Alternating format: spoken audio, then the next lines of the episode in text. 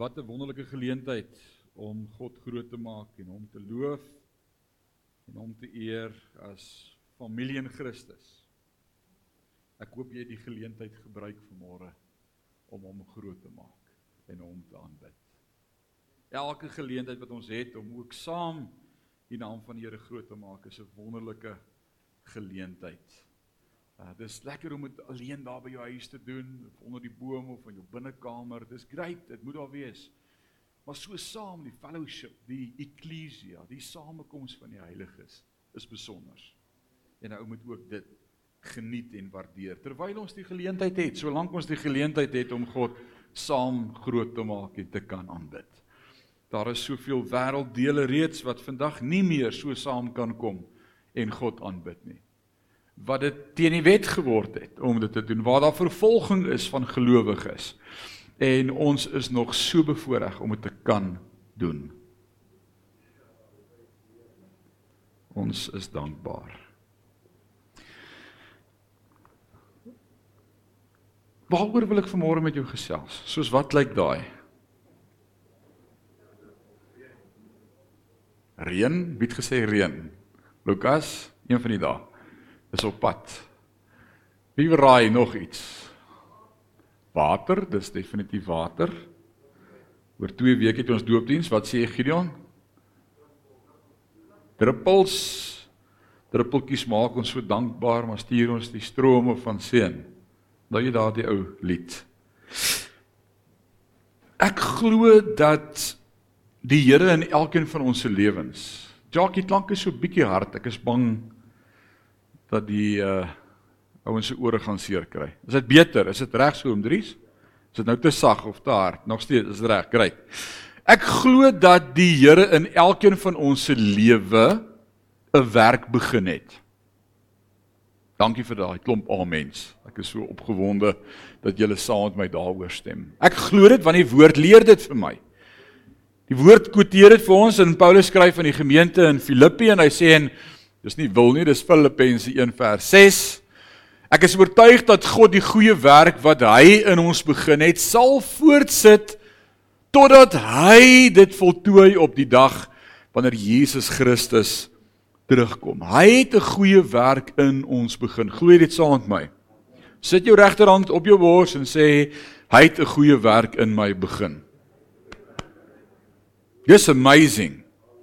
Dis 'n awesome belofte en 'n wete vir môre in elkeen van ons se lewe. Ons is besig om te praat oor seisoene en hoe om in 'n nuwe seisoen in te beweeg en party van ons kom dit makliker as vir ander. Party is dit pynlik om in 'n nuwe seisoen in te beweeg.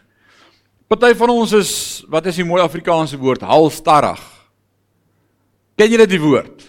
Halstarrig. Ek wonder as ek vir Grant, weet jy wat beteken halstarrig? Die juffrou het mos vir die seun ook gevra in die klas, wat beteken halstarrig? Toe sê hy halstarrig asem, juffrou. nee, dis dis 'n ander halstarrig. Hierdie hierdie halstarrig is so hard hardnekkig. Hardkoppig. Ongewillig om van self te beweeg. Wanneer ek so hande 4 voet vassteek, daar's baie ander Afrikaanse praktieser woorde wat ek dit kan beskryf wat jy presies sal verstaan wat dit beteken.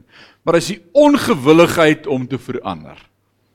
En onbewustelik het ek en jy 'n geneigtheid om aan die bekende vas te klou en te sê, nee wat, dis nou nie vir my nie. Vir wie van julle kom verandering maklik? Kan ek gou die hande sien? Ons vir van julle wat verandering maklik is. Kom ons wees dan nou eerlik, die meerderheid wat nie hulle hande opgesteek het nie, sê eintlik per implikasie vanmôre, dis nie altyd so maklik om te verander. Ek is so gemaak en so gelaat staan, soos die ou oom vir my gesê het. Toe hulle vir huweliksberading kom na 40 jaar se getroude lewe en die tannie sê hy is nie meer lief vir my nie. Toe sê die oom ek het die dag voor die kansel vir jou gesê ek's lief vir jou. As dit verander sal ek jou in kennis stel. Dit is ongewillig om te verander. God sê en Paulus verklaar dit vir ons dat Jesus in elkeen van ons se lewe 'n goeie werk begin het. Dis daar. Maar party van ons se werk is bietjie vinniger as ander van ons se werk. Met party van ons het die Here meer werk as met ander. Ons gaan vanmôre na so 'n voorbeeld kyk van iemand wat nie regtig die werk wat God in hom begin het wou gehoorsaam wees nie. Ons het laasweek gepraat oor Saggeus. En die die sleutelwoord laasweek uit Abraham en Saggeus se voorbeeld was wat? Twee woorde. Gehoorsaamheid en geloof. Gehoorsaamheid, daai nuuskierigheid soos 'n kind, gehoorsaamheid en geloof. En ons het vir mekaar gesê as jy in hierdie nuwe seisoen wil inbeweeg, is een van die vereistes in ons lewe om gehoorsaam te wees aan God. Hy het 'n goeie werk in ons begin en hy sal dit volëindig, maar hierdie proses word gedryf van my kant af deur 'n geneigtheid om of te luister of my hart te verhard en te sê ek wil nie hoor nie.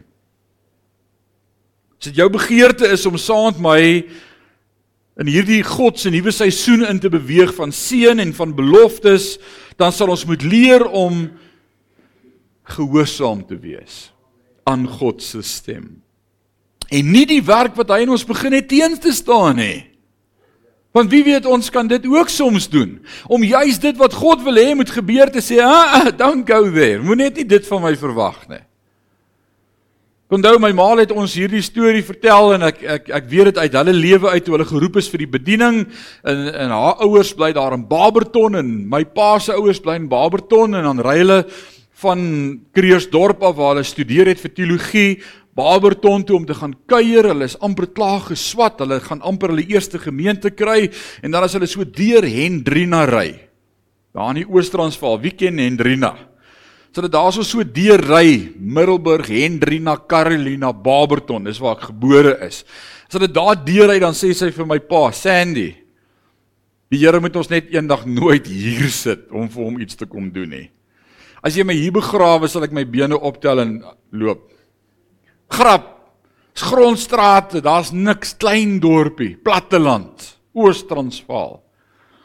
Maar so maak hulle klaar op TK op college En hulle doen hulle proefjaar hier in Sasselburg en Sassel Suid by pastoor Meton en toe daardie jaar toe die proefjaar klaar is, toe kry hulle hulle eerste beroep as hoofleraar van Hendrina. Die Here het 'n amazing sin vir jou, hè? Is dit nie amazing nie? En het vir weke onseker gewees. Maar dis nie asof jy vir jou eerste gemeente kan sê nee, die Here sê nee nie. Dis soos jy moet vat wat jy kry. Hendrina, 7 jaar daar gewees. Die awesomeste 7 jaar van hulle bediening. 'n Kerk gebou vir die Here.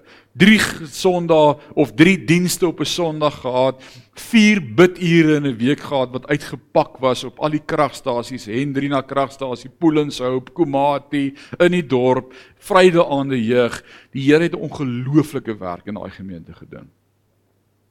So baie keer toets God ons juis om te, ons moet saam met God werk. Want is hy wat in ons werk om te wil, sê die woord. So daai wil ons moet saamwerk. Ons moet iets saam doen.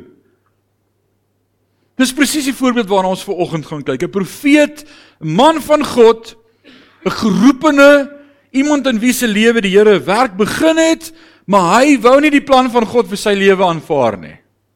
Hy was halstarrig. Hm. Dit het amper sy lewe gekos. En dit wil ek sommer nou sê, soms is my onvermoë om te beweeg na dit wat God my lei selfs dit wat my lewe kan kos oppas. Anders as enige ander van die profete was hierdie profeet se boodskap slegs 7 woorde lank. Al wat hierdie profeet ooit geprofeteer het waarvan ons lees is hierdie een profesie van sewe woorde. Sjoe. Julle wens julle het hom gehad vir 'n pastoor. Sewe woorde. En hoor wat het hy geprofeteer? Oor 40 dae sal ek sal Ninive vernietig word. Jona 3 vers 4. Anders as enige ander profetiese boek ooit, is die boek Jona dus nie 'n reeks boodskappe nie. Dis nie 'n klomp preke en 'n klomp uh, woorde van God af en 'n klomp profeseë wat God met die volk deel nie. Eerder sien ek die boek Jona waaroor ek vanmôre met jou wil praat as 'n twee bedryf toneelstuk. Ons weet wat is 'n bedryf, né? Dis die eerste deel en dan sak jy gordyn en dan skuif jy verhoog reg en dan as die gordyn oopgaan, dan is daar 'n tweede deel. Dis is 'n two scene play. Die eerste bedryf hoofstukke 1 en 2 kom ons bly daar. Die omgewing van die Groot See, die Mediterrane See, daar is uit die Middellandse See. Pragtig. Wie van julle hou van die see? Wie see mense? Beautiful. Beautiful. En dis daar die eerste bedryf speel af in die see en om die see, maar wie weet, die see is ook 'n plek van storms en van van moeilikheid. Wie van julle het al 'n storm op 'n see beleef of was al op 'n boot en benoudheid beleef? Maanie, jy sê yes. Daar's van hulle wat sê yes. Ek het al in die see amper dit het my amper my lewe gekos. 'n Uur in die breekwater besig om te versuip. Onder deur 'n golf bo oor 'n golf, onder deur 'n golf bo oor 'n golf. Kon nie uitkom nie. En na 'n uur red die Here ons uit die breekwater. Sodwana Bay 1980. Ek sal dit nooit vergeet nie. So nice is wat dit lyk so gevaarlike plek is die see. Die storie van Jona 1 en 2, hierdie groot see, Jona het sy missie laat vaar. Hy het hy het halstarrig opgetree en gesê ek sien nie kans nie. Hy het opgegee en hy sien nie kans vir die missie waarvoor God hom geroep het nie. Vir die seisoen waarin die Here wou hê hy moet groei, hy het gesê nee, dankie. Dis nou nie vir my nie. En dis soms waar ek en jy die bus mis in hierdie nuwe seisoen is omdat ons vir die Here wil sê hoe moet hy met ons werk en wat hy vir ons moet doen. En ek wil vanmôre sommer uit die staanspoor uit van hierdie woord vir jou sê, werk saam met God want is hy wat vir jou lewe 'n plan het. Moenie teen hom werk nie. Moenie vir die Here wil sê hoe moet hy met jou werk nie. Werk saam, go with the flow.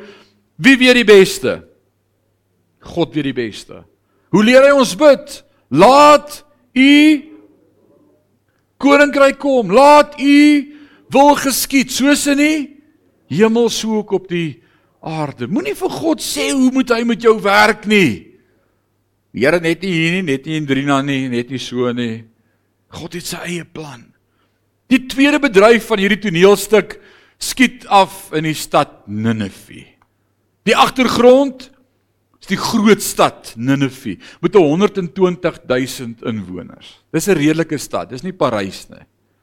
Dis dis 'n redelike stad. Die agtergrond Jona vervul sy missie.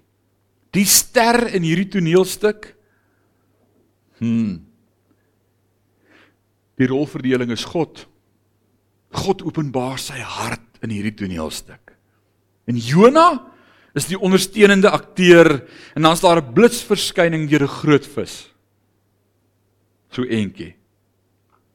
Ons gaan dit sien in hierdie gedeelte.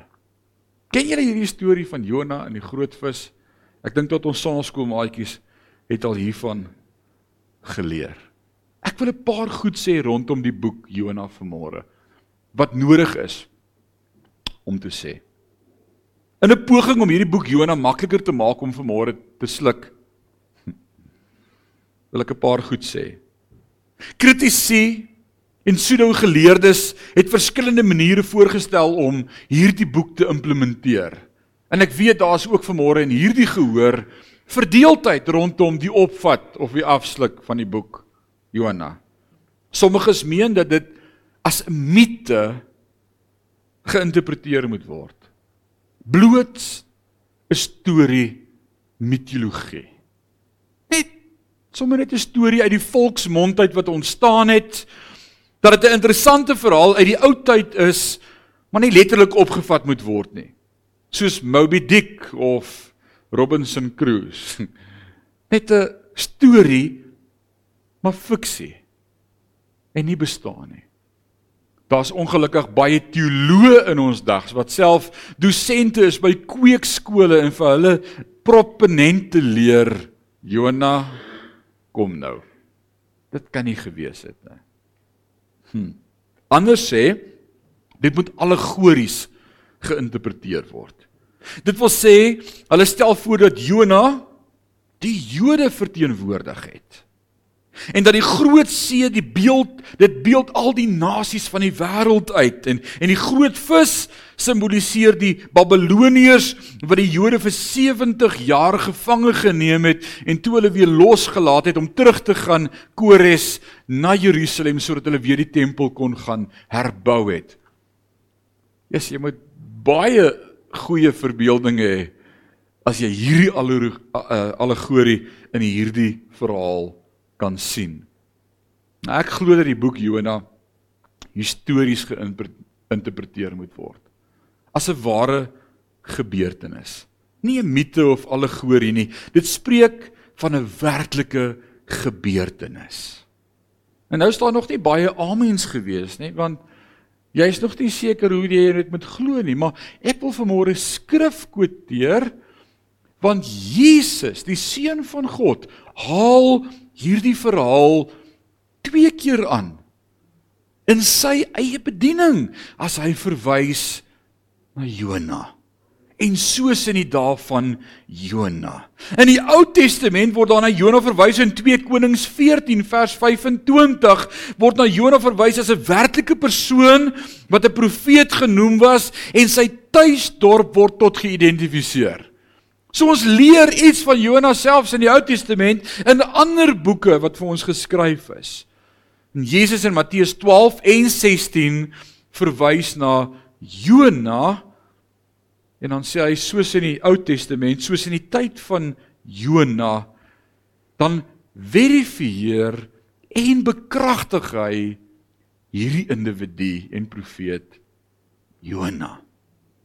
Dit lyk vir my asof die duiwel 'n spesifieke haat het vir sekere Bybelboeke en vasberade is om twyfel te saai by my en met jou oor hoe ons na die Bybel moet kyk. Drie sulke Bybelboeke wat vir my altyd uitstaan is Genesis, Jona en Daniël. Dis nogal drie boeke wat oor daar baie dispute is en en vertrekpunte en uitgangshoeke van hoe ons daarna moet kyk. Die skepingsverhaal, was dit regtig so gewees? Het God die hemel en die aarde regtig in 7 dae gemaak? Is dit regtig so gewees? Is hy regtig Skepper God? Het hy regtig 'n plan met die mens? En die rede waarom die duiwel die boek Genesis so haat, is dit gaan oor die vleeswording van Christus. Dis 'n profesie aangaande Christus se koms en dat hy die vyand se kop sal vermorsel. En daarom haat die duiwel die eerste boek van die Bybel. Want is die proto-evangelikum wat verkondig word. Christus se koms. Dis die eerste vermelding van die evangelie boodskap. En dan Jona? Hoekom hoekom word Jona so gehaat en hoekom is daar so baie vraagtekens rondom Jona en die vis en kon daar so groot vis wees? Wat was dit 'n walvis of was dit 'n watse vis? Was dit dalk 'n haai? Regtig, hoe hoe kan jy in 'n vis se maag leef? Hoe kan dit wees hierdie moet 'n mite wees? Wel dit gaan oor die opstanding van Christus en sy genade en sy hart en en sy liefde vir verlore mense. En Daniël? Hoekom word die boek Daniël soveel vrae oor gevra oor? Hoe om dit te interpreteer en hoe om dit te verstaan en was dit regtig en en hierdie vreeslike nagmerries wat Daniël gekry het of drome hoe om dit te verstaan en uit te lê? Want Daniël deel met die wederkoms van Christus die eerste profesie Genesis God se hart aan 'n verlore gaande nasie Jona Daniël Christus sal sal terugkom. In Daniël 7 sien ons hoe Jesus oor die aarde heers en die vyand vernietig word na sy wederkoms. En die duiwel haat dit. Daar's soveel verwarring oor die boek Daniël. In Matteus 14 gebruik Jesus die Genesis verslag om oor die skepping van Adam en Eva as die hoeksteen van sy lering oor die huwelik gebruik hy Genesis hy bekragtig die Genesis verslag kan ons twyfel in Genesis nee dis God se woord Kan ons twyfel oor Daniël se drome en profeseë? Nee, dis God se woord. Kan ons vandag twyfel oor Jona en die groot vis? Nee, ons moet iets hieruit leer vandag en dis waaroor ek vandag met jou wil gesels. So kom ons kyk na die boek Jona. In die eerste hoofstuk, in die eerste deel van hierdie 4 hoofstuk boekie, sien ons God se geduld met Jona. Leer ons iets van hoe God met my en met jou werk. Deel van God se proses met my en met jou om ons in hierdie nuwe seisoen te kry en ek dank die Here hiervoor. Is God is baie geduldig. Allei amens wat nou opgegaan het. Hy's baie geduldig. Wie van julle sukkel met ongeduld? Onthou jy mag nie in die kerk lieg nie, so jy moet nou jou hand dadelik opsteek. Daar sê, onthou wat met Ananias en Safira gebeur het in die kerk toe hulle gelieg het. Steek op jou hand. Stamp in jou man, sê steek op jou hand. Ongeduld. Ons ken ongeduld. Ons openbaar almal op sekere gebiede ongeduld. Daar's sekere goed wat jy selfs die woord sal gebruik wat sê ek kan dit nie duld nie. Staan nou een ding is wat ek nie kan duld nie. Ongeduld. Ek dank God. Hy's nie soos ons nie. Hy het geduld. Al maak ons foute, Al wil ons nie in hierdie nuwe seisoen ingaan nie want ons is halstarrig en ons het 'n ander plan vir ons lewe as wat God vir ons lewe het. Ons moet leer om op daardie punt te kom wat ons hierdie ou lied kan saam sing wat hy I surrender. Oh, dit is moeilik om dit te sê, né? I surrender all, Leon. All. Nee, Here, net nie dit nie. En moet net nie dit vat nie en moet net nie van my dit verwag nie, net nie Hendrina nie, net nie sus nie, net nie so nie. Verder kan u met alles in my lewe deel. Dit was my voorreg om Woensdagoggend hier by Wyveld Boeregemeenskap 'n gebeddag, 'n biddag te gaan hou vir ons boere en daar was amper 100 mense gewees. Dit was great, great geleentheid. En terwyl ek voorberei vir daardie geleentheid, Vra ek Here, wat moet ek met hulle gaan share? Wat wat sal ek nou bring? Ek het al alles oor gebed gepreek, hoe om te bid, waar om te bid. Ons moet U vertrou, geloof, vaste vertroue. Ek bid al vir 'n paar jaar saam met hulle vereen. Wat moet ek hierdie keer vir hulle gaan sê? En die Here sê: "Share met hulle, hulle moet hulle self gee." En ek begin daaroor dink en bepeins. En ek besef hoe maklik ons ander goed vir die Here gee. Ander goed bereid is om te offer behalwe my eie goed. Ek bedoel dalk het jy al jou vrou vir die Here gegee. Ek het al baie my vrou vir die Here gegee. Maar hy wil aan nie kom haal nie. Sy's nog hier. Ek gee. Dis maklik om ander goed vir die Here te gee. Dis maklik om jou seuns vir die Here te gee. Abraham het vir Isak vir die Here gegee. Dis dis maklik om ander goed soms vir die Here te gee, maar wanneer hy my soek, dan is ons starig. Maar die Here bring ons op 'n plek waar hy sê, weet jy wat, Koenie, ek soek nie ander goed nie. Ek soek jou. Ek soek jou, Leon. Ek soek jou, Dion. Ek soek jou. Ons moet op baie plek kom waar ek sê Here hier's ek en dank God hy's met ons geduldig. Jona wou God op die plek bring waar Jona sê: "Dis reg, as u dit sê, doen ek dit." En jy gaan nooit in hierdie nuwe seisoen kan ingaan solank as wat jy nie jouself gee nie. So die eerste punt vir môre is ek gee myself. Jy moet En dis van ons wat vaskop, hande vier voet vanmôre, halstarrig is om te sê u kan alles kry, Here. Dis u se en dit behoort aan u, maar moenie net van my dit verwag nie. Ek is nie gemaklik daarmee nie. Die Here weet, hy moet nooit vir my vra om. Dis juist daai stukkie van jou hart wat hy ook wil hê. Maar hy's 'n geduldige God. Hy wag en hy werk met my En ek besef vanmôre net en ek wil dit met jou deel. Hoeveel vinniger ons op die plek kon kom waar God ons wou hê as ons net bereid was om saam te werk. Hoeveel vinniger kan jy op daardie plek kom in jou geestelike lewe as jy net bereid is om te sê I surrender all. Maar dit bly 'n koortjie in die kerk en die oomblik as die Here sê nou kom dan sê jy nee, net nie dit nie. Jy kan alles vat, maar net nie dit nie. Die Here soek jou. Hy soek alles. In hoofstuk 2 sien ons God se vergifnis wanneer Jona bid. God vergewe. Sê dit saam met my. God vergewe. En ek en jy moet dalk vanmôre opnuut voor die Here kom en sê Here, sorry dat ons so alstarrig is en nie bereid is om onsself net te gee nie. Dat ek soveel terughou, dat ek soveel van my eie idees sê, dat ek vir u wil sê hoe moet u met my werk? Sorry. Maar die awesome van dit is God vergewe altyd. Hy hou dit nie teen jou nie. Hy hou dit nooit teen jou nie. Praat nou die dag met een van ons seniors in die gemeente uit wedergeboorte beleef op die ouderdom van 72 uit die groot kerk uit en toe besluit om Jesus te volg doopwater die Here het hom oortuig daarvan dit was awesome en ek praat met hom en hy sê vir my dis net God se genade dat hy op 72 my lewe kom verander het hoekom het die Here so lank gevat toe vra ek hoekom het jy so lank gewag voor jy gesê het i surrender all Dis die vraag vir môre. Hoekom hou jy dele van jou lewe terug? Gee oor. As jy 'n nuwe seisoen wil beleef, gee oor. Paulus sê ek gee myself. Jesus sê ek gee hom, hy het homself gegee as drankoffer om uitgegiet te word sodat al die volke na hom kon kom.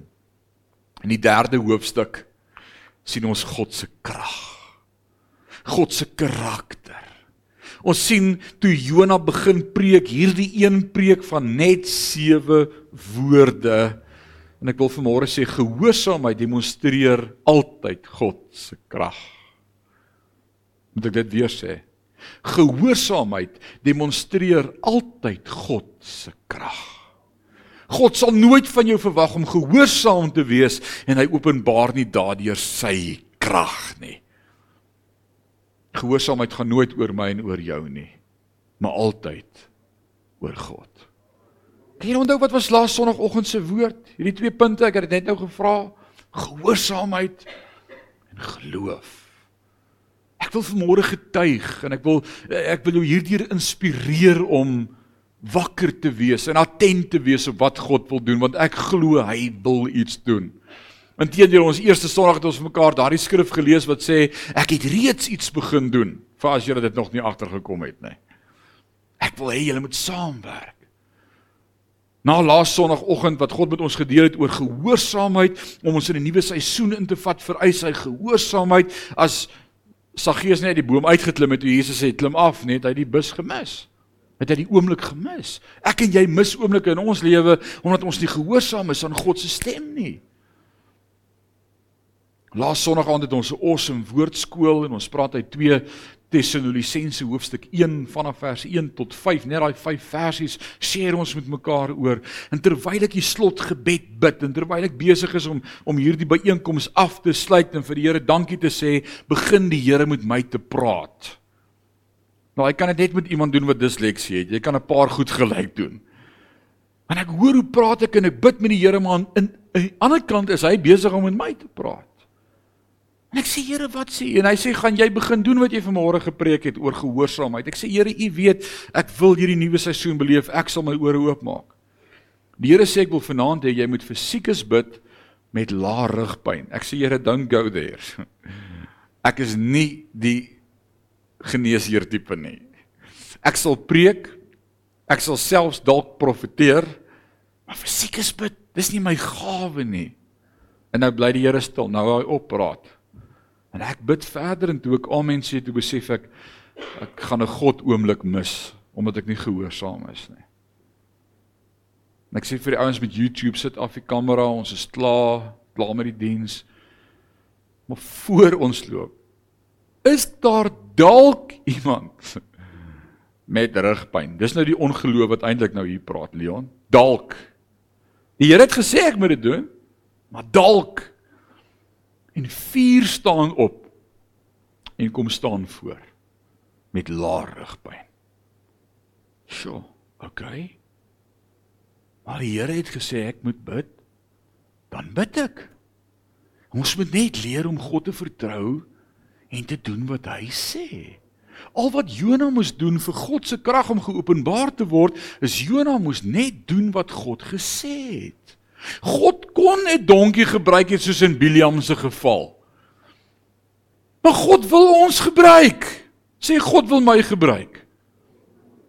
Nee, jy het dit nie gesê nie. Sê God wil my gebruik. Hy wil jou gebruik. Hy kan nie donkie gebruik, maar hy wil nie, hy wil jou gebruik. Hy sê as ons hom nie aanbid nie, kan nie klippe dit doen, maar hy wil nie hê die klippe moet dit doen nie. Hy wil hê ons moet dit doen. Ek bid vir hierdie vier individue wat hier voorgestaan het. En die getuienis is God raak hulle aan. Is staan gou op. Vir hoeveel jaar het jy geloop met rugpyn? 24 jaar. 23 jaar nadat 'n volstrys haar geskop het, het sy konstante rugpyn. Ek het dit nie geweet nie. En sy kom uit en ek bid vir haar en in die week sê sy vir my pastoor toe ek by die huis kom, toe vat ek die duwy en ek ruk hom so van die bed af en ek besef ek het nie meer pyn nie. Het jy nou pyn? Is die pyn nog steeds weg? Dis 'n week later. Dis hoe die Here werk. Dis nie ek nie. Dis niks ek nie. Maar wanneer ons leer om ons ore oop te maak, sê God, ek wys my krag. Kom ek wys jou hoe awesome krag sy, hoe awesome God se krag in Jona 3 geopenbaar word. Al wat Jona preek is hierdie sewe woorde. God gaan 'n einde bring. En die mense van die stad se ore gaan oop en hulle hoor hierdie boodskap. En die koning hoor die boodskap. En die koning Hy hy hy hy stuur 'n bevel uit na die volk om te sê, nou hierdie is 'n terrible gemeenskap. As daar nou een plek is waar Jona nie sou wou heen gaan nie, dan is dit nou na Ninive toe. Kom ons sê dis so goed soos om 'n Jood in 1945 in Berlyn in te stuur met 'n boodskap. Het, het jy die opsie, het jy die scenario? Sou 'n Jood in 1945 in Berlyn wou instap, Dion? Hulle sou vir hom se muur doodmaak. Dis 'n afgodsvolk. Hulle het met mensvelle meubels gemaak. Dis hoe brutaal hulle was. Hulle het van skedels, dis 'n kopbeen vir die wat jy weet nie. Het hulle piramides in hulle tuine gepak. Brutal. Verskriklike bloeddorstige nasie wat altyd teen God se volk gekom het en hoeveel keer God se volk wou doodmaak. En God sê vir 'n Jood vir Jona, gaan na daardie volk toe en gaan preek en Jona sê oor my dooie liggaam. Dis nie 'n manier nie. Hierdie kan nie van die Here wees. Jy sien God wil altyd sy genade aan almal bewys en hy soek iemand wat sal sê hier is ek. En dan probeer Jona eywol en hy klim op 'n boot om weg te kom van die Here af en dan gooi hulle hom oor boot nadat die boot amper wil sink van die storm en Jona besef die Here soek eintlik vir hom en dan kom die groot vis en die vis sluk hom in en na 7 dae spoeg hy hom uit 12 mandjies vol. Nee, dit was net die kleerling se storie gewees. Wat bietjie deur mekaar geraak het met hoe pas wat by wat. En waar spoeg hy hom uit? In Nineve. Die plek waar God hom wou hê. Soms spoeg die storms in die lewe ons juis uit op daai plek waar jy van die begin af alleen kon gegaan het, maar jy was al starrig. Dit bring jou op jou knieë by 'n plek Maar jy sê nou maar nou het ek nie 'n ander keuse nie. Dis wat storms doen in ons lewe. Dit bring jou by Ninive. En dan sê hy ek gaan hierdie sewe woorde sê en loop. Want ek wil nie God moet genade hê met hierdie stad nie. Want al die jare vervolg hulle ons en maak hulle ons dood en so hy sê maar net die ou sewe woordjies. En 'n stad van 120 000 kom tot bekering. Wow. Dis God se krag. Is dit nie amazing nie? Jy sien God verwag nie van my en jou om die onmoontlike te doen. Hy wil net ons met die moontlike doen. Hy sal die onmoontlike doen. Hy vra net vir jou step out in faith. Just do what you can, I'll do the rest. It's amazing. En dan die interessantste van hierdie hele verhaal is hoofstuk 4. Daai daai moet 'n 4 wees. Dis die 4de hoofstuk. Dit wys vir ons God se hart. Jona gaan sit buite die stad op 'n koppie en hy kyk oor hierdie stad en hy sit in die son en hy wil hê daar moet 'n einde aan sy lewe kom. Hy wil eintlik selfmoord pleeg, maar hy hy hy gee op. Hy sit daar dat die son hom doodbrand. Hy hy kan nie glo dat hierdie God van die Jode 120000 Filistyne wil red nie. Hy hy kan nie dit glo nie. Hy kry homself verskriklik jammer. En dan laat God 'n plant groei wat 'n boom word wat skade weer maak vir Jona en hom toehou. Hy wat skuilings vind en bly by die Allerhoogste sal vertoef onder beskerming van die Almagtige. En dan sê Jona, "Ja, dis lekker skade weer, dis eintlik nice." En dan die volgende oggend stuur God 'n wurm. En dan kyk Jona vir hierdie wurm en dan kom die wurm en dan vreet hy hierdie hele plant om En dan sit Jona in die son en dan kom daar 'n oostewind wat waai, 'n warm wind en dan brand hy eintlik en dan sê hy: "Nou waar is die skade weer?" Dan sê die Here: "O, wou jy skade weer gehad het? Ek dog jy wil omkom." Nou moan jy oor die wurm. Jona, ek is God. En ek doen wat ek wil. En my God se hart is 'n genadige hart. Ek ek vat ons verhardheid van ons Christene in hierdie laaste tyd teenoor heidene en teenoor verloores en tussen teenoor verlore gaandes en teenoor medegelowiges en en ouens in ons wêreld wat anders glo as ons en 'n ander denkrigting het as ons. Het sy rondom corona of die inenting of maak nie saak wat nie. Ek kom agter daar's 'n ongelooflike verdeeldheid. Daar's 'n bitterheid en 'n ons kyk neer op mekaar en ons waarsku mekaar teen mekaar en en daar's kante en hier's twee spalk en, en en weet jy wat dis die gees van die vyand. Ek wil vanmôre verklaar uit Jona uit God se hart het nog nooit verander vir sy volk nie. God het nie net gesterf vir die kerk nie. Maar het ook gesterf vir die wêreld wat verlore is sonder hom. En ek en jy moet ons gesindheid in ons hart regkry as ons hierdie nuwe seisoen wil ingaan om teenoor die wêreld ook God te wys en vir hulle ook 'n liefde te hê wat net God se liefde is wat net hy in ons kan doen. Dis vanmôre se woord wat ek met jou wil share. Moenie so alstarrig wees dat jy God oomblik gaan mis in jou lewe omdat jy te veel fokus op jou begeertes nie. Jy gaan God se oomblik mis. Vra vanmôre Skep in my 'n rein hart, o Heer. Gee my weer standvaste gees. Dawid bid, hy sê was my opnuut in die bloed van die lam. Kom ons sluit ons oë en ons bid vanmôre saam.